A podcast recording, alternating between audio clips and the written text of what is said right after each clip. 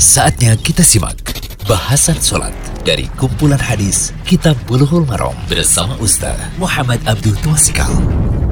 Alhamdulillah, salatu wassalamu ala rasulillah wa ala alihi wa sahbihi wasallam. Kali ini kita berada di audio 142, masih dalam pembahasan kitab Bulughul Maram karya Imam Ibnu Hajar al-Asqalani, kitab salat, bab sujudus sahwi wa ghairuhu min sujudut tilawati wa syukri. Bab sujud sahwi dan sujud lainnya yaitu sujud tilawah dan sujud syukur. Audio ke 142, ini pembahasan hadis ke-5 atau 334 dari kitab Bulughul Maram. Ragu dalam sholat dan bisa menguatkan pilihan.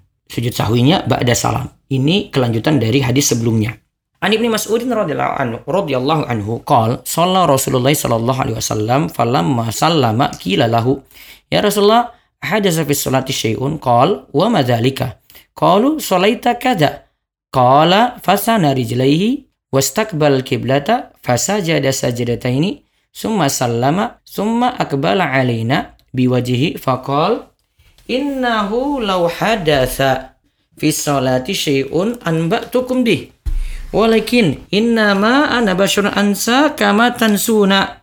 Fa idza nasitu fadhakkiruni wa idza shakka ahadukum fi salatihi falyataharras sawaba falyutimma alaihi thumma yasjud sajadataini. Thumma yasjud sajadataini Terus ada riwayat tambahan ini mutafakun alaih wa fi riwayatin lil Bukhari falyutimma summa yusallim summa yasjud wa li muslimin anna Nabi sallallahu alaihi wasallam sajada sajadatai sahwi ba'da salami wal kalami ba'da salami wal kalami. Nah, di sini disebutkan dari Ibnu Mas'ud radhiyallahu anhu ia berkata Rasulullah SAW pernah sholat. Kemudian ketika beliau salam, dikatakan kepadanya, "Wahai Rasulullah, apakah telah terjadi sesuatu di dalam sholat?" Kemudian beliau bersabda, "Apa itu?" Mereka berkata, baginda sholat seperti ini, seperti itu.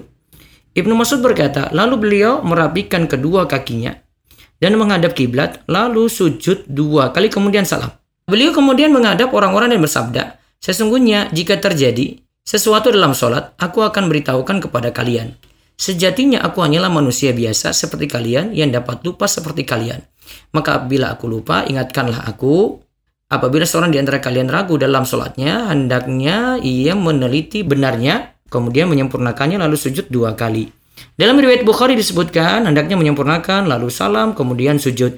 Menurut riwayat Imam Muslim, bahwa Nabi SAW sujud sawi dua kali setelah salam dan bercakap-cakap. Nah, faedah hadis yang pertama, jika seorang sholat zuhur lima rakaat, lima rakaat ya, maka hendaklah ia sujud sawi setelah salam. Sholatnya itu sah. Kalau kita lihat tadi pembahasannya adalah sujud sawinya setelah salam. Terus, faedah kedua, seorang sholat dengan menambah rokat dari yang semestinya. Lantas ia ingat di tengah sholat, maka ia wajib rujuk atau kembali. Dan sujud sawi diperintahkan baginya. Sholatnya itu sah. Tambahan ini bukan hanya berlaku pada tambahan rokaat. Termasuk pula tambahan berdiri, duduk, atau sujud jika dilakukan dalam keadaan lupa. Terus yang ketiga, orang yang sholat, jika ia ragu dalam sholatnya dan bisa menguatkan atau mentarjih di antara dua pilihan, maka ia pilih yang benar yaitu sangkan kuatnya. Meskipun nantinya ada penambahan ataukah pengurangan, maka ia sujud sawi ba'da salam seperti ia ragu mengenai jumlah rakaat, apakah tiga atau keempat, maka ia sempurnakan sholatnya. Lantas ia sujud sawi nanti ba'da salam. Di sini berarti dia bisa memilih ya. Dia bisa memilih nanti dia pilih pilihannya tersebut dan dia tinggal menyempurnakan sholatnya dan sujud sawi ba'da salam.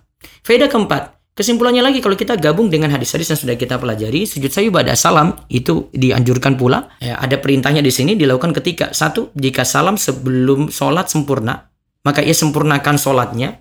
Ya, ia sempurnakan sholatnya. Lalu sujud sahwi ba'da salam sebagaimana keterangan dalam hadis Abu Hurairah yang telah lewat. Sujud sahwi dalam keadaan yang kedua lagi yang ba'da salam adalah yang kedua jika ragu dan bisa menguatkan atau mentarji maka sujud sahwi dilakukan ba'da salam sebagaimana keterangan hadis Ibnu Mas'ud yang sedang dibahas ini. Faedah yang terakhir, sujud sahwi berlaku pada sholat wajib maupun sunnah. Ibnu Abbas pernah mempraktekkan sujud sahwi setelah witirnya. Semoga jadi ilmu yang manfaat. Demikian bahasan sholat dari kumpulan hadis Kitab Buluhul Marom bersama Ustaz Muhammad Abdul Tuasikal.